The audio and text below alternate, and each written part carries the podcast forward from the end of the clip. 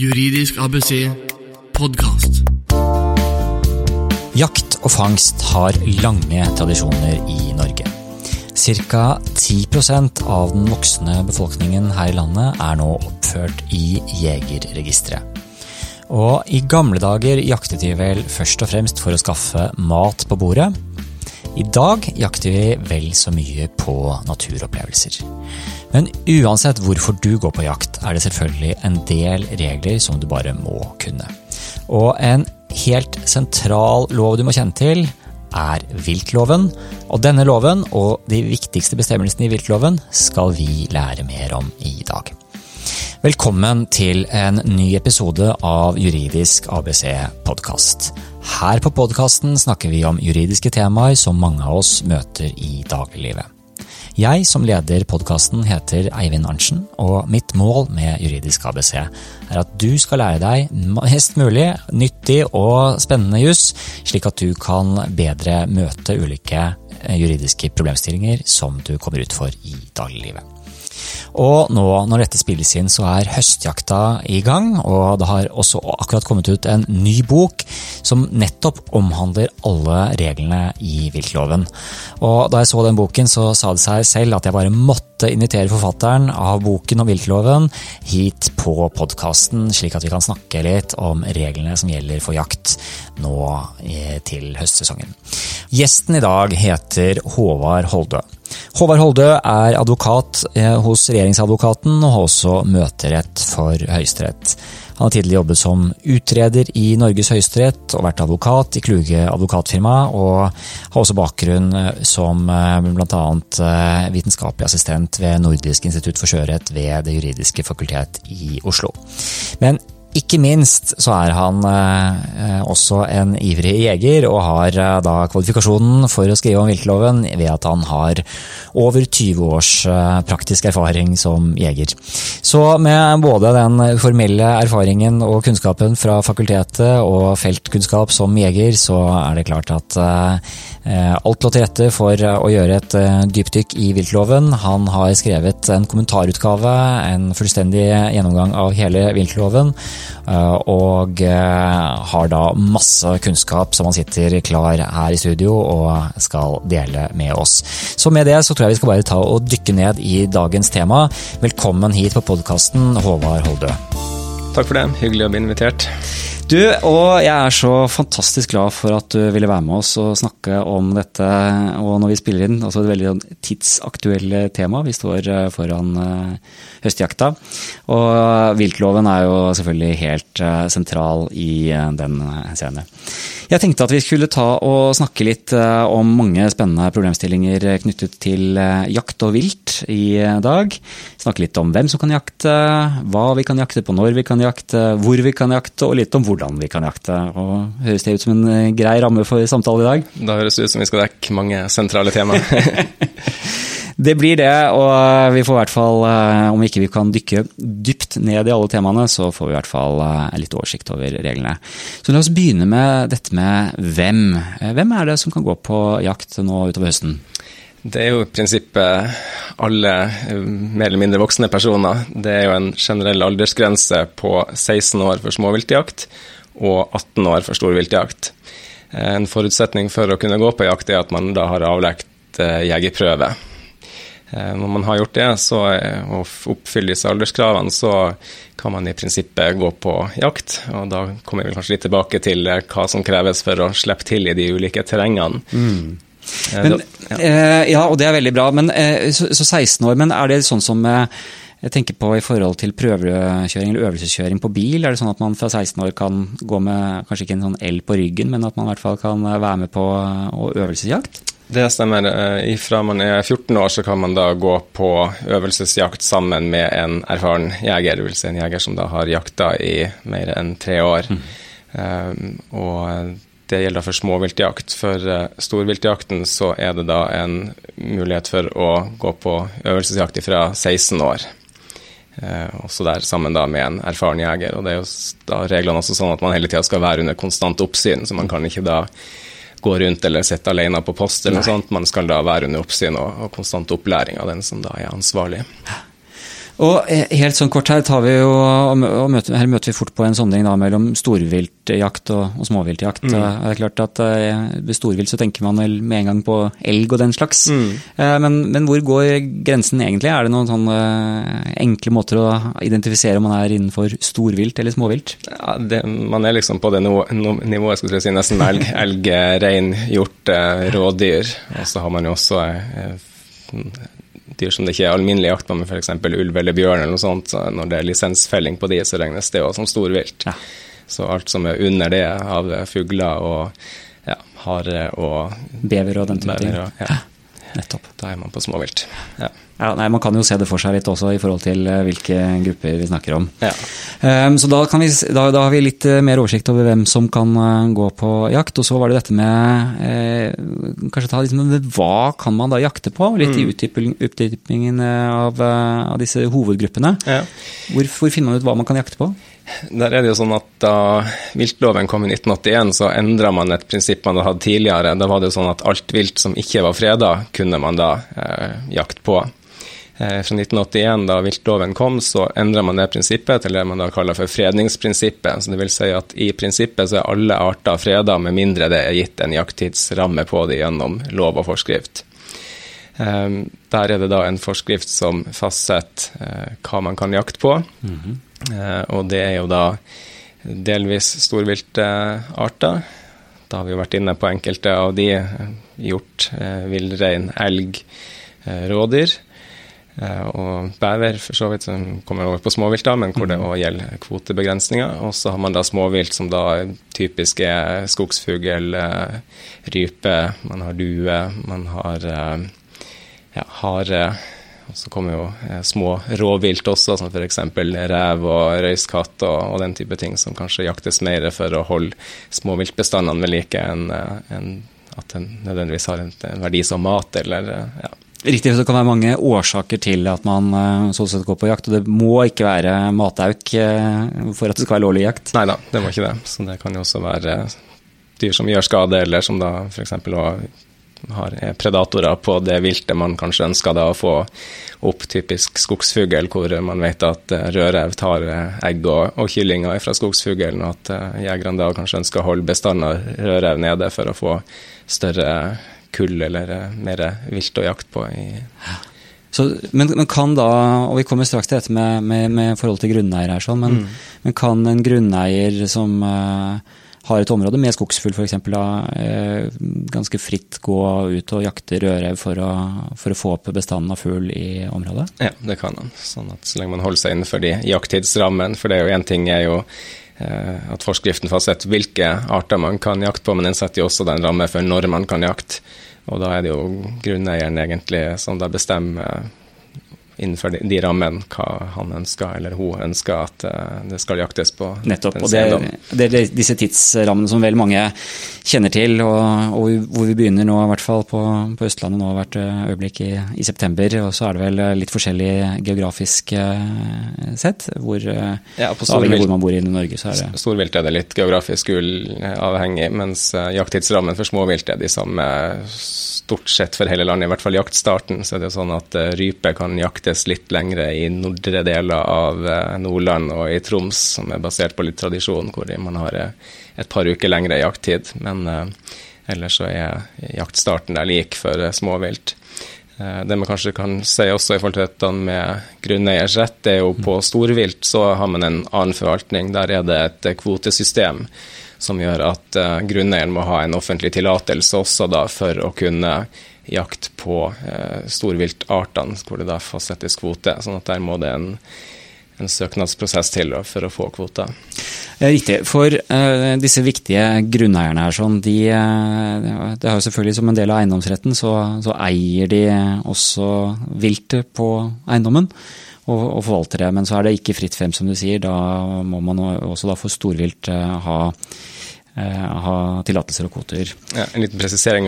det er sånn Rettslig sett så eier ikke grunneieren viltet. Viltet er eiendomsløst. sånn okay. at ja, så man, Det grunneieren har en rett til, det er en rett til å felle det viltet som til enhver tid da oppholder seg på hans eller hennes eiendom.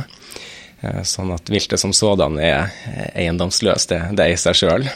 Der lærte jeg noe nytt i dag. Jeg tenkte at uh, vilt var litt sånn à la si, trærne som står uh, plantet, men, uh, ja. men, det er herreløst inntil, herreløst. Ja. inntil skuddet har falt, for å si det sånn. Ja.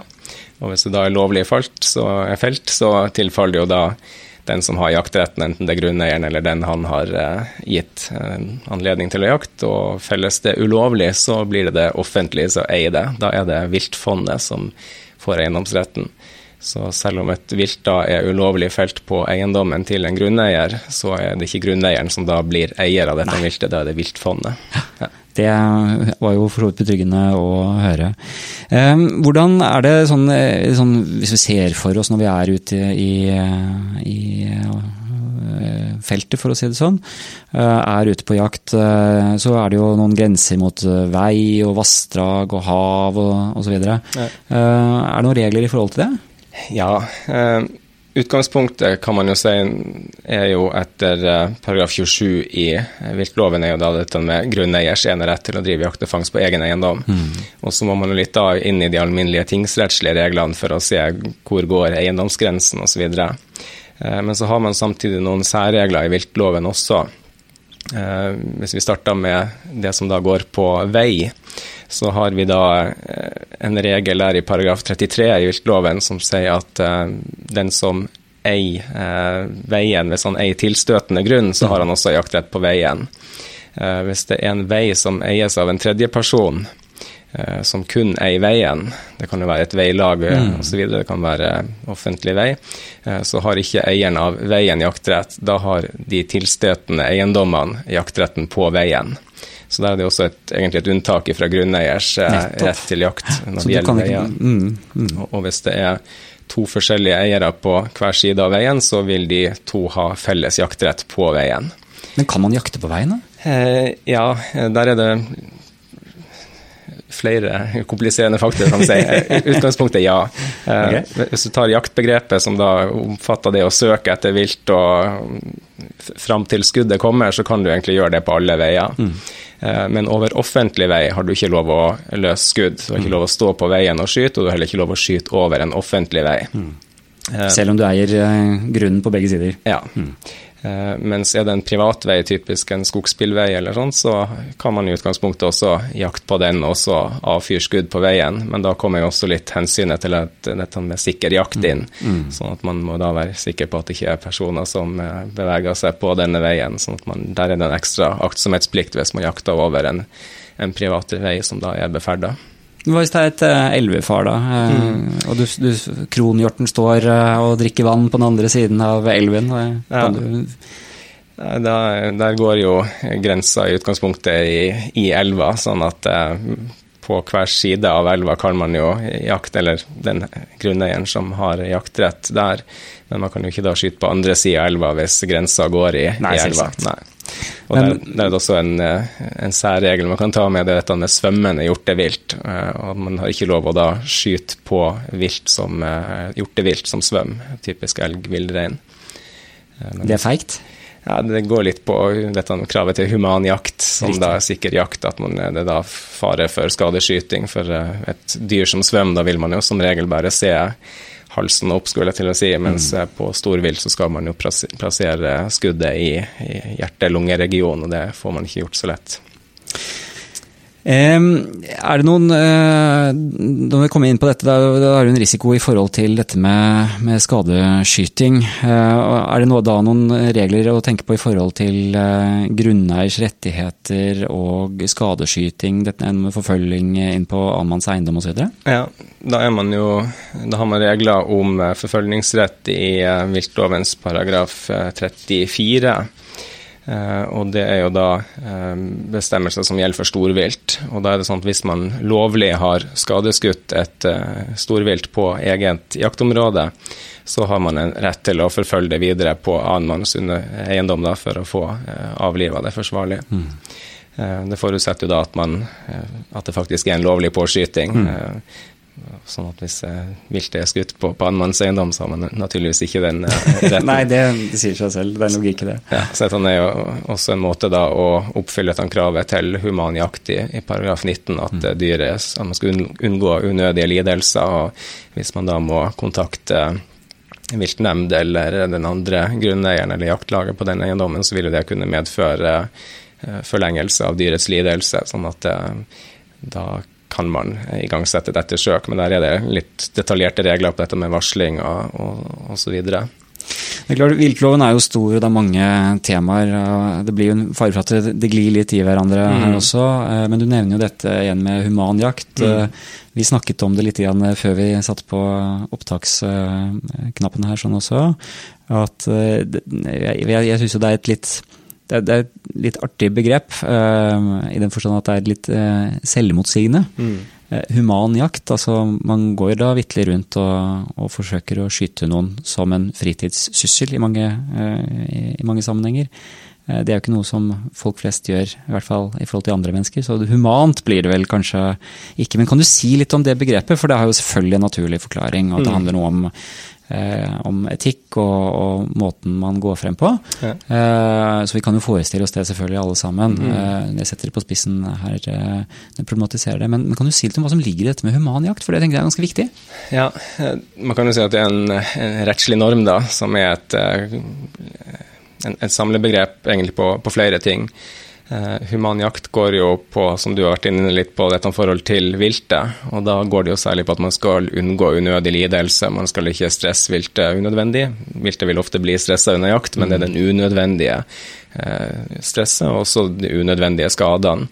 Altså Man skal være sikker på at man gjør en god felling, man skal prøve å unngå skadeskyting. Det er ikke en i, uh, i det praktiske liv så er ikke det mulig 100% å unngå det, men eh, man skal eh, etter beste evne eh, forsøke å unngå det.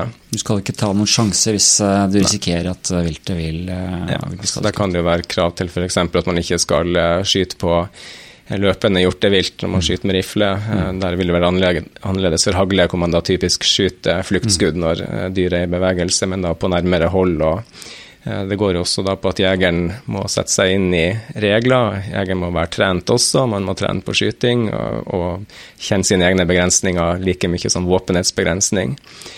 så det er jo den delen som kanskje går mot Det er jo en plikt man har sånn sett også i forhold til reglene om humanjakt. At mm. uh, man må sørge for å være forberedt. og sånne, så, så, sånne som meg, som uh, har uh, tatt jegerprøven en gang i tiden, ikke vært på mm. jakt på ti år. Jeg kan ikke mm. bare ta med hagla og løpe ut i fjellet. Da, da risikerer jeg fort å ja, i prinsippet da må du i hvert fall tilpasse den jakten din litt etter de ferdighetene du har. og hvis man, Det er ikke noe krav f.eks. for, for småviltjakt at man da må på skytebanen hver, hvert år og, avlegge noe prøve på leirduell eller noe sånt, men det er jo anbefalt hvis man ikke har det i kroppen. Ja. Mens på storvilt Og på storvilt er det jo ja. definitivt eh, veldig klare krav. Ja, da må man opp, opp, skyte opp hvert år og, mm. og skyte innenfor de reglene som gjelder med krav til treffprosent og sånt, for å kunne få kvittert ut at man kan gå på jakt. Mm.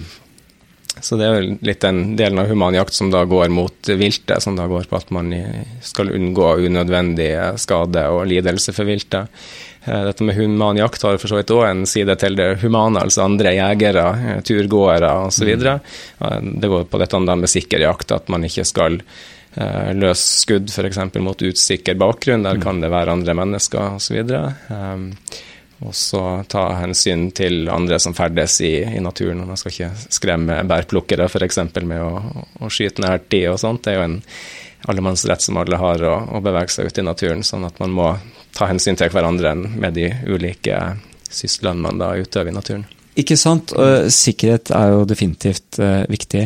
Så vi snakket litt nå om grunneiers uh, enerett, og litt ut fra det vi jurister kaller sånn type tingsrettslig perspektiv. Mm. Um, og, og, mye den private grunneier som jeg, i hvert fall jeg har tenkt på når vi har snakket så langt. Men så kommer du inn på dette med bærplukkere, og at det, det er jo mange som bruker fjellet. Uh, og Marianne Reusch var jo her tidligere, og vi snakket om allemannsretten. og Eh, allemannsretten eh, inkluderer jo også en, eh, en, jaktrett. Man har disse statsallmenningene bl.a. Mm. Kan du si litt om eh, hvordan reglene er her? Ja, eh, Det gjelder jo da i forhold til småviltjakt og ikke storviltjakta. Eh, der er det sånn at For statsallmenningene, som da er hovedsakelig en del høyfjellsområder i Sør-Norge, nord til, til og med Trøndelag, der følger det av fjelloven, som da regulerer adgangen til jakt. Og der har i prinsippet alle norske borgere og personer som har vært bosatt i Norge det siste året, en rett til å utøve småviltjakt. Um, hvordan man strengt juridisk skal eh, se på dette, om det er en allemannsrett eller hvordan det er utleda, det er det vel kanskje litt eh, uenighet om og litt uavklart. Men det er i hvert fall sånn det er regulert i fjelloven. Mm. og der har man egentlig de eh, samme reglene i viltlovens paragraf 31 når det gjelder statens grunn, som da ikke er uh, statsallmenninger. Sånn at her har vi et, egentlig et eh, utslag av en inngripen i uh, grunneiers enerett til jakt også. Når det gjelder statlige eiendommer, så er det befolkninga som uh, har den retten. I forhold til statens grunn utenfor statsallmenningene, så er det kan være eiendommer som staten har kjøpt inn. Det er en del sånne eiendommer på Østlandet, typisk tidligere forsvarseiendommer og sånt skogseiendommer som er kjøpt inn, som Statskog har å eh, drive eh, treforedlingsindustri i. Eh, og så har man også den største delen der det er egentlig statens grunn i Nordland og Troms, som utgjør ganske store arealer.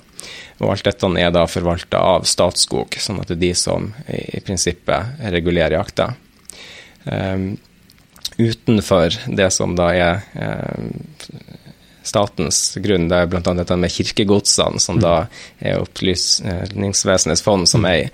Det holdes utenfor, og de, de organiserer dette sjøl. Um, det samme gjelder Finnmarkseiendommen, uh, som da tidligere ble ansett uh, som en, eller ble da regulert av uh, Statskogs jordsalgsstyre, som da foresto forvaltninga der. Der er det jo kommet et eget lov i denne Finnmarksloven som da regulerer jaktadgangen der. Mm.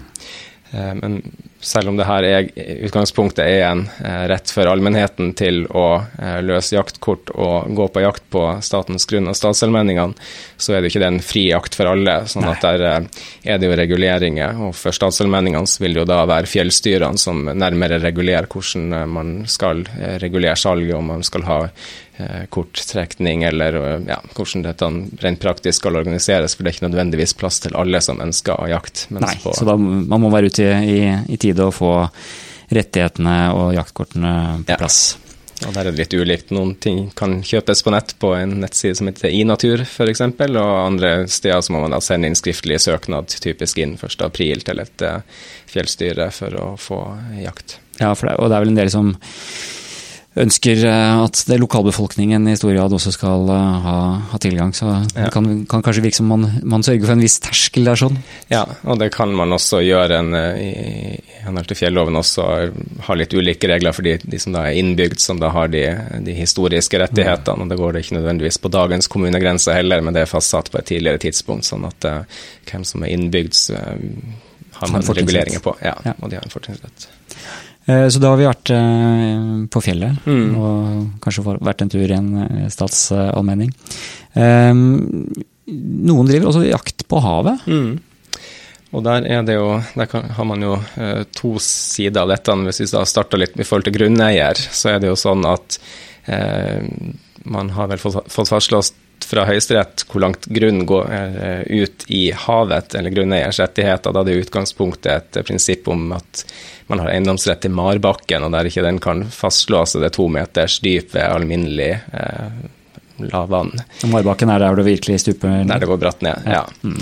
Eh, og der har man også egentlig en eh, innskrenkning i grunneiers eh, eiendoms... Eh, eller retten til å utøve jakt og eh, fangst på egen eiendom. For det følger av viltlovens paragraf 32 at der går man ikke ut så langt eh, grunnen er grunneiers, men der går man dit vannet til enhver tid ligger. Mm. Sånn at eh, da har ikke grunneieren har jaktretten fram til der eh, havet til enhver tid står, om det er flo og fjære, så den vil jo gå litt opp og ned også.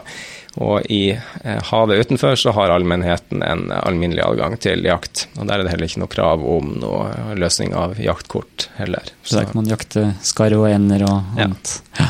Man må da passe på at man eh, jakter utover havet, at man ikke skyter på det som da sitter inne på land. Men uh, ute på holmer og skjær og sånt vil det da typisk være adgang til, uh, til å drive jakt. Juridisk ABC podkast. Veldig bra, Håvard. Da har vi eh, snakket både litt om hvem som kan jakte, og hvor man kan jakte. Vært litt inne på eh, litt sånn detaljregulering også, som, eh, i forhold til, til, hvordan jakten kan skje. Men en sentral del av jakt og jaktutøvelsen er selvfølgelig dette med våpen. Og her er det selvsagt eh, en del regler, og også da i viltloven eh, så finner man regler om, om våpen. Eh, kan du si litt om da hvilket våpen er tillatt å bruke, og litt om håndtering av våpenet? Mm. Ja, Hvis vi starter med tillatt våpen under jakt i, i, Norge, så er det da viltlovens paragraf 20 som utgangspunktet regulerer dette. Og det loven der sier, det er at det er kun tillatt å bruke skytevåpen med ladning av krutt. Så i dette så ligger det jo f.eks. at utenfor så faller armbrøst, eh, pil og bue, eh, slynge og hva man ellers skulle kunne bruke til å, å ta livet av et dyr. Um, så er det enkelte reguleringer utover det også, bl.a. Uh, hvis man da ser på hagle, så har man jo Eh, den tradisjonelle hagla har jo ett eller to løp, og da har man to skudd man kan bruke. Men så har man, har man også pumpehagle og halvautomatiske hagler, som da gjerne kan ha magasiner med flere skudd. Eh, hvis man er på jakt, så har man ikke lov å bruke pumpehagle eller halvautomatisk hagle med mer enn to skudd. Så da må man faktisk ha ei plombering som da gjør sånn at man kun kan ha to skudd. Det vil ofte da være ett i, et i kammeret og ett i, et i magasinet.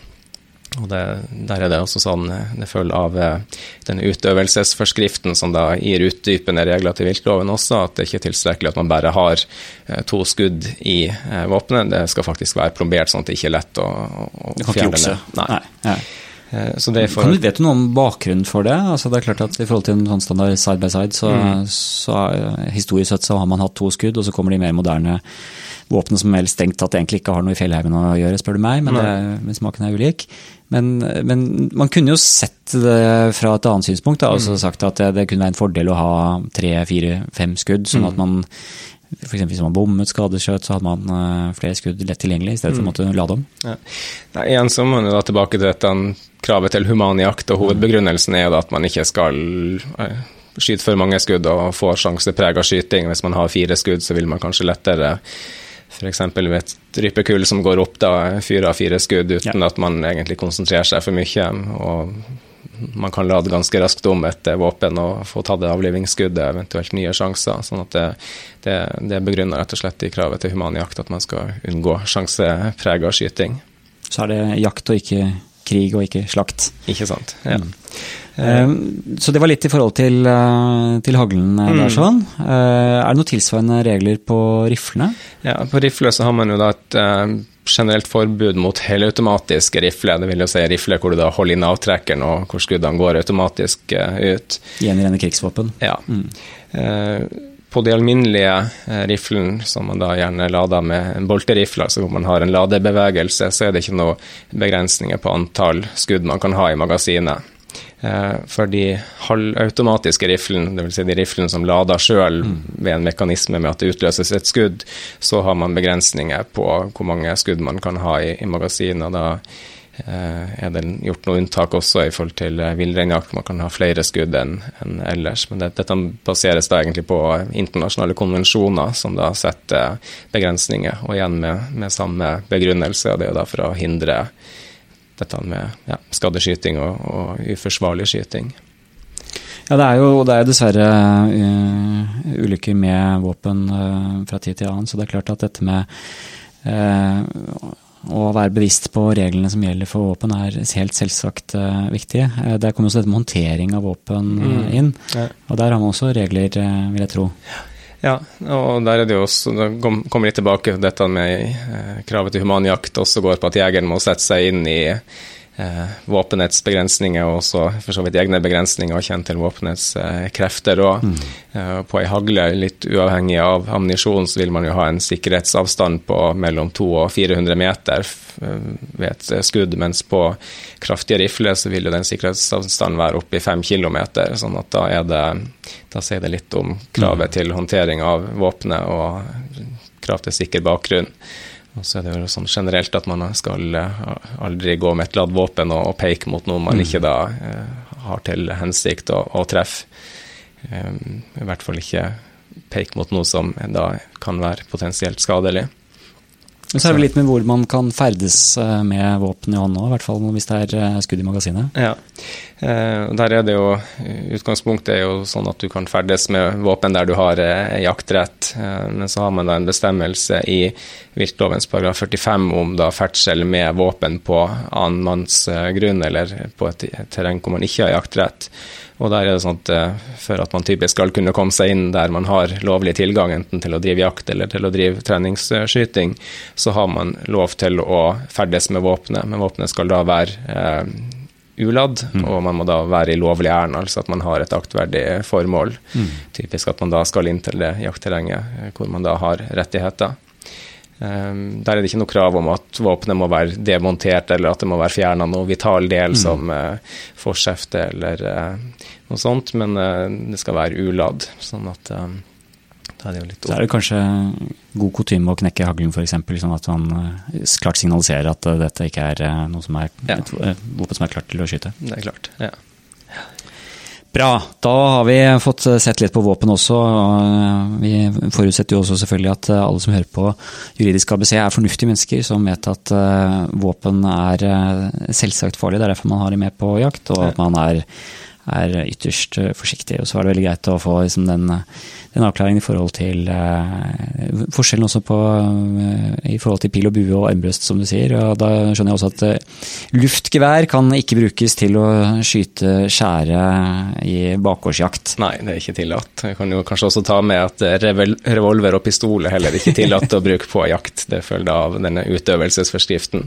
Det er vel noen anledning til å ha med til å, sånn, til å avlive skadeskutt, er det ikke det? Ja, det er regler der også, utøvelsesforskriften, er mer på dette med at eh, pistol eh, i kaliber 22, eh, altså mm. det som kalles for salongriflekaliberet, kan brukes til avliving i enkelte situasjoner, men mm. ikke generelt heller. sånn at man kan, kan, i enkelte tilfeller bruke pistoler til avliving, men ikke til ordinær jakt. Det er ikke noe du går med på, på, jakt, og det er Nei. Eh, godt å vite. Det er klart at uh, treffsikkerheten med en pistol, vet vi, det, den er vel ikke best. Nei. Men du, øh, veldig bra. Nå har vi allerede vært innom mange spennende aspekter med mm. jakten. Og så øh, vet jeg at det er også noen som driver med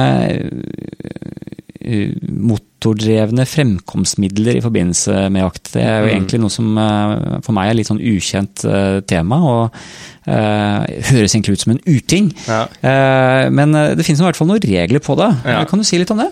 Det kan jeg gjøre. Da er vi kommet til paragraf 21 i viltloven, og der er det jo et utgangspunkt om at det ikke er tillatt å bruke motorkjøretøy. Det gjelder både ja, kjøretøy som da typisk vil være bil eller snøscooter eller uh, motorsykkel, moped, ATV osv. Mm. Uh, det gjelder også for luftfartøy. Mm. Uh, og da er det jo sånn at det er et generelt forbud mot forfølgning og avledning, altså bruke kjøretøy til forfølgning av vilt eller til avledning av viltets oppmerksomhet. Det er også et generelt forbud mot å skyte ifra et kjøretøy eller et luftfartøy. Der kan man jo få litt eh, sånn avgrensningsspørsmål om man da kan stå og bruke bilen til anlegg, f.eks. For, for rifler når du sikter. Mm. Det tror jeg nok ikke at man kan. Mm. Eh, da, er man, da er liksom bilen i bruk. Mm. Eh, men man kan bruke bil f.eks. til å kjøre på en skogsbilvei for å lokalisere viltet, så lenge du ikke bruker den da til å, å forfølge det. Sånn at typisk eh, hvis man tar skogsfugljegeren som er på vei inn i terrenget, og som eh, ser at tiuren sitter og, og beiter i veikanten, kan da lovlig gå ut av bilen og, og starte jakta der. Og man kan for så vidt også da kjøre rundt på skogsbilveien og, og, og se etter elg, men man kan ikke bruke bilen da til forfølgning eller til å avlede oppmerksomheten. Um, så, så, sitter tiuren også midt i veien, og det, er, og det ikke er en offentlig vei, som vi snakket om i sted, så, så kan man stoppe bilen, ta, gå ut og, så, og, og skyte fuglen og putte den i bagasjen? Man kan det hvis man syns det er en grei måte å drive jakt på. Ja. kanskje ikke alle som syns det. Vi, vi, er kanskje ikke av den oppfatning at det er jakt, men, men rettslig sett så er det for så vidt det, ja. greit. Men, så, det, så, så, til rekognosering, mm. og da selvsagt ikke noen sånn cowboytendenser hvor man sitter bak på en snøscooter og, og skyter. Nei, det er strengt forbudt. Og, mm. og, så ved bruk av bil så har man heller ikke lov å kjøre ut, utenom vei for å altså Hvis man begynner å kjøre ut i terrenget for å lokalisere vilt, så er heller ikke det tillatt. Nei. Nei. Uh, ja, og det er egentlig reglene de samme da for uh, dette med luftfartøy. Og Der er det en litt sånn uh, ny problemstilling som har oppstått etter at en del personer har begynt å skaffe seg de sånne dronene eller mm -hmm. fjernstyrte helikopter med f.eks. kamera på og sånt. da har det jo oppstått et spørsmål om det er lovlig å bruke. Til å rekognosere og Til å rekognosere, mm. eventuelt da til å ja, jage viltet mot seg. Ja, man kan jo tenke seg det etter hvert også, selvfølgelig. Ja, der tror jeg nok at ved en tolkning av luftfartsloven og sånn, så er jo disse uh, typisk dronene omfatta der, og at dette er et, uh, må anses som et luftfartøy, og da kommer man inn i de samme reglene, selv om det ikke er et bemanna uh, mm. fartøy, sånn at du da ikke kan bruke det til å forfølge eller jage viltet eller, eller drive noe lokalisering, da. Sånn at ja, der er det også i, en kommentar til denne utøvelsesforskriften, så har også Miljødirektoratet da gitt uttrykk for at det ikke vil være lovlig å bruke, bruke denne type droner da, til jaging av ja, Det blir jo ganske spesielt også hvis man skal gå i fjellet og så Si du er en bærplukker, da. Mm. Dette med å respektere andre også, så kommer et jaktlag og sender opp fem droner og rekognoserer og jager vilt. Det, det blir jo etter mitt syn helt feil. Ja, Nei, og igjen så kommer jo dette spørsmålet om humanjakt også, da, om det mm selv om man da skulle si at dette ikke faller inn under paragraf 21, så kan det jo, altså dette om bruk av luftfartøy, så vil man kanskje uansett si at det er i strid med kravet til humanjakt etter paragraf 19, at man da stresser dyrene på, på denne måten. Så da har man flere lovgrunnlag til å si at uh, droner på jakt, det er uh, det ikke rettslig sett uh, adgang til. Nei.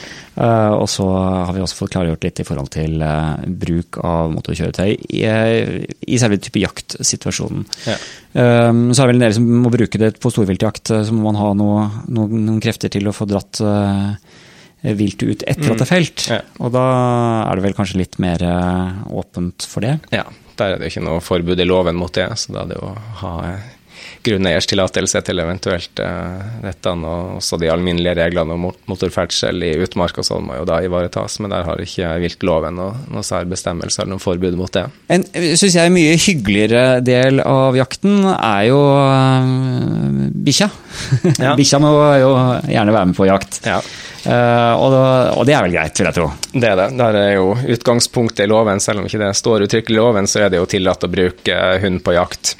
Og så har man jo enkelte særreguleringer. Ehm, den eh, ja, ene særreguleringa man har, det er paragraf 23 i viltloven, som da gjelder eh, hund som er eh, på Halsen, halsende, som det kalles. på halsene. Halsene på drevet ja. et eller annet hund? Ja. Det, ja. og det er jo da Løs hund? Det vil si hund som da løper etter viltet og, og gjøy når det kommer etter det. Som er, det er jo da typiske ja, støvere, man mm. har en del sånne eh, arter som man da bruker. Eh, der er det regler både i paragraf 23 og også i utøvelsesforskriftens paragraf 22 om eh, hvilken type hund man da har lov til å bruke på eh, hvilken type vilt. Ja, for de, kan være ganske voldsomme, de eh, hundene. Ja, og det går igjen, igjen er vi da tilbake til det vi ofte kommer til, paragraf 19 med kravet til human jakt. Og det er jo ja, viktig bestemmelse. Ja, at man da også der ikke skal stresse viltet unødig. Eh, men der har man åpna for det, og så har man noen regler med boghøyde og sånn på hvilken type hund man kan bruke på de ulike typene vilt. Men det er jo typisk da til harejakt, rådyrjakt, eh, jakt på rev osv. Så, videre, så har man adgang til å bruke den type hund. Mm. Når det gjelder mer de alminnelige hundene som er ja, si, fuglehunder, eh, stående eller støtende hunder, man har elghunder og sånn, så er ikke det noe konkret regulering der i viltloven på det. Det er tillatt å bruke. Eh, og da er man litt mer over i reglene i hundeloven, som da eh, viltlovens paragraf 52 nå gir en henvisning til og, og sier at det er hundeloven fra 2005, tror jeg den er fra, mm. som da eh, regulerer bl.a. dette med båndtvang, eh, mm. trening av hund, bruk eh, bruk av hund. Og, Kontroll på hund og oppsyn med hund. Og, ja, og andres adgang til å oppta løs hund. og ja. Mm. Det er ikke alltid så lett da, hvis du har en setter som Den holder seg som regel ikke helt i nærheten av deg på jakt. Den er jo fort langt over alle Ja, det er ofte litt av poenget at den skal søke litt bort ifra det også. Sånn at, men det gjelder jo da at man må ha kontroll på den. Og så har man jo da eh, særregler da i eh, hundeloven som eh, Eh, tilsier at eh, hvis man har en eh, lokalt fastsatt båndtvang Det er mange kommuner som fastsetter båndtvang utover den alminnelige båndtvangen, som da slutter 20.8. Eh, og da er det sånn at denne kommunale forlenga båndtvangen den gjelder ikke ved jakt og jakthundtrening og også jakthundekonkurranser. Mm. Sånn at Akkurat konkret i de situasjonene så, ja, så gjelder så man adgang da, til å slippe hunden løs, selv om det gjelder en alminnelig båndtvang, eller en utvida båndtvang for andre som ikke er på jakt. Så det er jo greit å, å, å kjenne til. Ja. ja. Du hører Juridisk ABC podkast. Da har vi snakket om mange spennende temaer knyttet til uh, jakt her, Håvard. Uh, veldig takknemlig for at du har delt uh, så mye kunnskap med oss. En ting som uh, slo meg uh, da jeg så på uh, kommentarutgaven til viltloven som du har skrevet, og det er noe av grunnen til at vi sitter og snakker her i dag. Du har jo også skrevet en kommentarutgave til hele loven. Vi hører jo at det triller ut av deg alle bestemmelsene. Gratulerer ja. med bok. Takk for det. Det må ha vært et eh, stort arbeid. Det er, eh, det, det er, ikke bare bare å sette seg ned og være forfatter av en kommentarutgave? Nei, det tar tid, og når man i tillegg har en jobb som eh, krever 100% av arbeidstid og vel så det, så er det klart at det har blitt litt sånn ferier og helger og litt ettermiddager som har gått med til dette. Så totalt sett så har jeg vel jobba med boka i ca. to år før den ble ferdig, og selvfølgelig da med litt mer hektisk innspurt enn det har vært det har ikke vært så mye skriving ofte i september og oktober når det jakttida har vært, men mm. greit sånn vinterprosjekt å ta litt i, i ledige stunder. For du går på jakt selv, jeg tror også. Ja. Det er vel ikke tilfeldig at du valgte temaet? Nei da, jeg jakta småviltjakt sjøl, og hovedsakelig rype, da. Men uh, har jo da ja, jakta siden jeg begynte vel da jeg var rundt 14 år og kunne begynne å gå på prøvejakt, og har jakta siden jeg var 16. Uh, så det begynner å bli noen år med, med, jakting. Og så er det jo litt den interessen for jussen også, gjennom å være jurist og også har skrevet litt eh, annet eh, juridisk tidligere. Så det var en kombinasjon mellom de to interessene da, som gjorde at jeg eh, også så at det var et behov for det. Vi har jo eh, for så vidt lovregulering som går tilbake til 1100-1200-tallet på dette med jakt, og det har vært en utvikling opp gjennom eh, årene til man da fikk litt mer moderne jaktlover. Den første i 1899, og så en ny i 1951, før viltloven da kom i 1981. Men det ser jeg at det er veldig lite juridisk litteratur om dette. Man har jo de typiske bøkene som da gjelder mer eh, jegerprøveopplæring og sånt, men de går ikke så dypt på, mm. på jussen.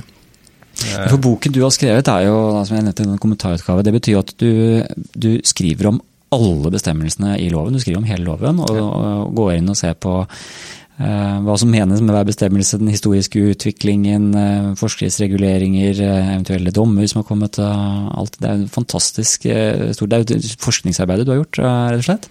Ja, det blir jo egentlig det. Så um og det er jo da egentlig praktisk lagt opp sånn boka er, at man da kjenner man til loven, så Eller loven er jo da sitert også i boka, så kan man jo slå opp på den enkelte paragraf og, og lese. sånn at det kanskje ikke er bok man setter seg ned og leser fra side 1 til uh, side 250 uh, i, i, strekk, men uh, kanskje brukes mer som et oppslagsverk. Og da er det jo også gode register, både stikkordregister og også lovregister og domsregister, som man da kan slå opp og, og finne hvis det er problemstillinger man har. så typisk slå opp i stikkordsregisteret og eh, det man lurer på, så vil man da få en henvisning til hvor i boka man kan finne noe om det. Ja, Den er jo veldig praktisk, og jeg tenker at uh, dette er vel en bok som uh, alle som uh, er opptatt av jakt, og glad i jakt, og, og som bruker naturen på den måten definitivt bør ha. For vi vet jo det at en, en, god jeger er en seriøs jeger, og mm. en som virkelig også kjenner reglene. Eh, og Så kan det også hende at det er noen eh, ganger at man sitter et jaktlag på fjellet og er litt uenig om mm. forståelsen av en bestemmelse. Kan hende. Og da kan det være greit å ha en bok som er fasit, rett og slett. Ja, i disse dager hvor Google ofte ødelegger diskusjoner, så vil man kanskje ikke nødvendigvis få alle svar på tolking av viltloven på Google. så da Nei, for du finner ikke alt eh, Du har vel ikke googlet deg til innholdet? Nei. Alt innholdet er sånn. Har ikke det. Jeg syns det er spennende du, du sier da. Altså, vi snakker jo om eh, lovreguleringer her sånn som går altså, omtrent eh, 1000 år tilbake. og Eh, selv jeg jobber mye med arbeidsrett, og der eh, syns man jo liksom det er gamle kilder når det går sånn 100 år tilbake. Men du har jo virkelig måttet eh, liksom se på et sånt type, type stort lerret her. Du skjønner at det er, jo, det er jo nå du er inne på disse, disse nyere eh, Viltlovene er jo da eh, selvfølgelig fra, fra, fra senere tid, men, men, men det er jo bakgrunnsteppet her sånn er jo ganske stort. Ja. Ja, det er klart Den reguleringa som da starta i, i hvert fall de første nedskrevne reglene man har funnet i Gula lag, lagmantings, eh, Frostatingsloven, eh, og senere Magnus Lagabøtes landslov, da vi jo tilbake på 1100-1200-tallet. Eh, der var det begrensa hvor mye man hadde regulert, og så var det en utvikling videre utover i Kristian 5.s norske lov på slutten av 1600-tallet. Eh, og så ble det litt eh, lovregulering etter hvert, men det er jo særlig denne loven da, som kom i 1899, som da eh, begynte å innføre det regimet man har i dag, og så mer på mer enn bare det med rettigheten til jakt, men også en regulering av jakten. Og mange av de reglene som man har i viltloven i dag, de, egentlig, de går tilbake til loven fra 1899. sånn at i arbeidet så har jeg vært inne i kilder fra den tida også, da, for å se hva, hva mente man på det tidspunktet når man første gang ga denne regelen. Så spennende. Men det var jo altså også en fra 51, hvis jeg Mm. husker rett. En, en, en, en, en viltlov fra 51. Ja. Og, og ganske kort tid etter at den hadde tatt i kraft, så begynte man på ny, uh, nytt lovarbeid. Mm. Ja. Uh, var det noe som skjedde i de årene i forhold til uh, si, forholdet til å høste fra naturen, naturvern, som gjorde at det, det var en sånn type politisk skifte som tilsa at man måtte lage ny lov? Jeg tror nok det. eh, Grunnen til at man begynte å se på en ny lov allerede 16 år etter at den eh, fra 51 var eh, kommet, det var at man begynte å se på at viltbestandene var gått ned. og som man ser at Det er jo en diskusjon man ikke bare har i dag, det har nok eh, vært sånn eh, over lengre tid at viltbestandene svinger, at man ofte syns det var, var bedre tidligere. Men så fikk man nok òg et, et skifte der hvor det ble mer dette med vern, mens eh, loven fra 1899 hovedsakelig knytta til rettigheter til utøvelse av jakt. Eh, Så gikk den loven i 51 også over litt mer til viltforvaltning, at man fikk mer en offentlig regulering. Eh, Mens når man da kommer over i viltloven fra 1981, så var dette med dette fredningsprinsippet som bl.a. ble innført, hvor man da snudde, snudde rundt på, på utgangspunktet og sa at det er det viltet som er fastsatt jakttid før man kan jakte, og ikke motsatt, sånn som tidligere at det var det viltet som var freda man ikke kunne jakte på. Eh, Og dette prinsippet er jo nå videreført da i naturmangfoldsloven også, da, som et eh, forvaltningsprinsipp, som det kalles for der. Sånn at de reglene er flytta videre fra viltloven eh, ved vedtakelsen av eh, naturmangfoldloven i 2009. Eh, Sånn at eh, akkurat dette med artsforvaltninga er lagt over i naturmangfoldsloven, men det, det er et prinsipp som da ble innført ved viltloven. Så det er klart at da blir det en annen bevissthet eh, rundt dette med forvaltning av, eh, av artene. og eh, ja, det ser man også på formålsbestemmelsen i viltloven også, som eh, like mye da går på dette med at man skal eh, bevare leveområdene til viltet, og at man skal sikre en viltproduksjon som da kan gi grunnlag for å høste overskuddet, mens det er naturens produktiv og, og produktivitet og artsrikdom som på en måte skal bevares gjennom eh, viltloven. Og det er et uh, veldig godt punkt å, å runde av eh, med et uh, veldig klart eh, formulert eh, formul, formål i, eh, i viltloven. Og vi må jo håpe at eh, lovverket også fortsetter å ivareta eh, alt det positive som er i forhold til jakt, at, man, eh, at også fremtidige generasjoner kan eh, glede seg over det. Eh, tusen takk for at eh, du ville komme hit på podkasten i dag, eh, Håvard. Eh, takk også for at du har gjort dette arbeidet med å få systematisert alle reglene og få beskrevet alle reglene og kommentert alle reglene i viltloven og bidra i forhold til, til det juridiske. Og til de som hører på, så er det selvfølgelig en klar oppfordring om å Hvis dere vil vite mer om reglene og dykke ned i viltloven, så er boken eh, vel tilgjengelig nå i bokhandelen. Det er tilgjengelig i bokhandelen, og for de som har tilgang på lovdata så, og en abonnementstjeneste der, så vil jo også liksom, kommentarutgavene kunne ligge linka opp mot eh, loven i Lovdata. Det er jo den abonnementstjeneste, men da har man også mulighet til å få den elektronisk. Så det håper jeg at lytterne kan få behov for denne boka. Og, Definitivt, ja. det får vi virkelig tro. Ja. Og igjen, tusen takk for at du ville være med oss på podkasten i dag. Takk for invitasjonen. Du har hørt Juridisk ABC podkast. For mer informasjon om dagens tema, se juridiskabc.no. Her finner du flere podkaster og artikler innen arbeidsrett, eiendomsrett, familierett og temaer for deg som driver egen virksomhet. Meld deg på vårt nyhetsbrev på juridiskabuseet.no. Produsert av Øystein Weibel og Kanonlyd. Kaboom!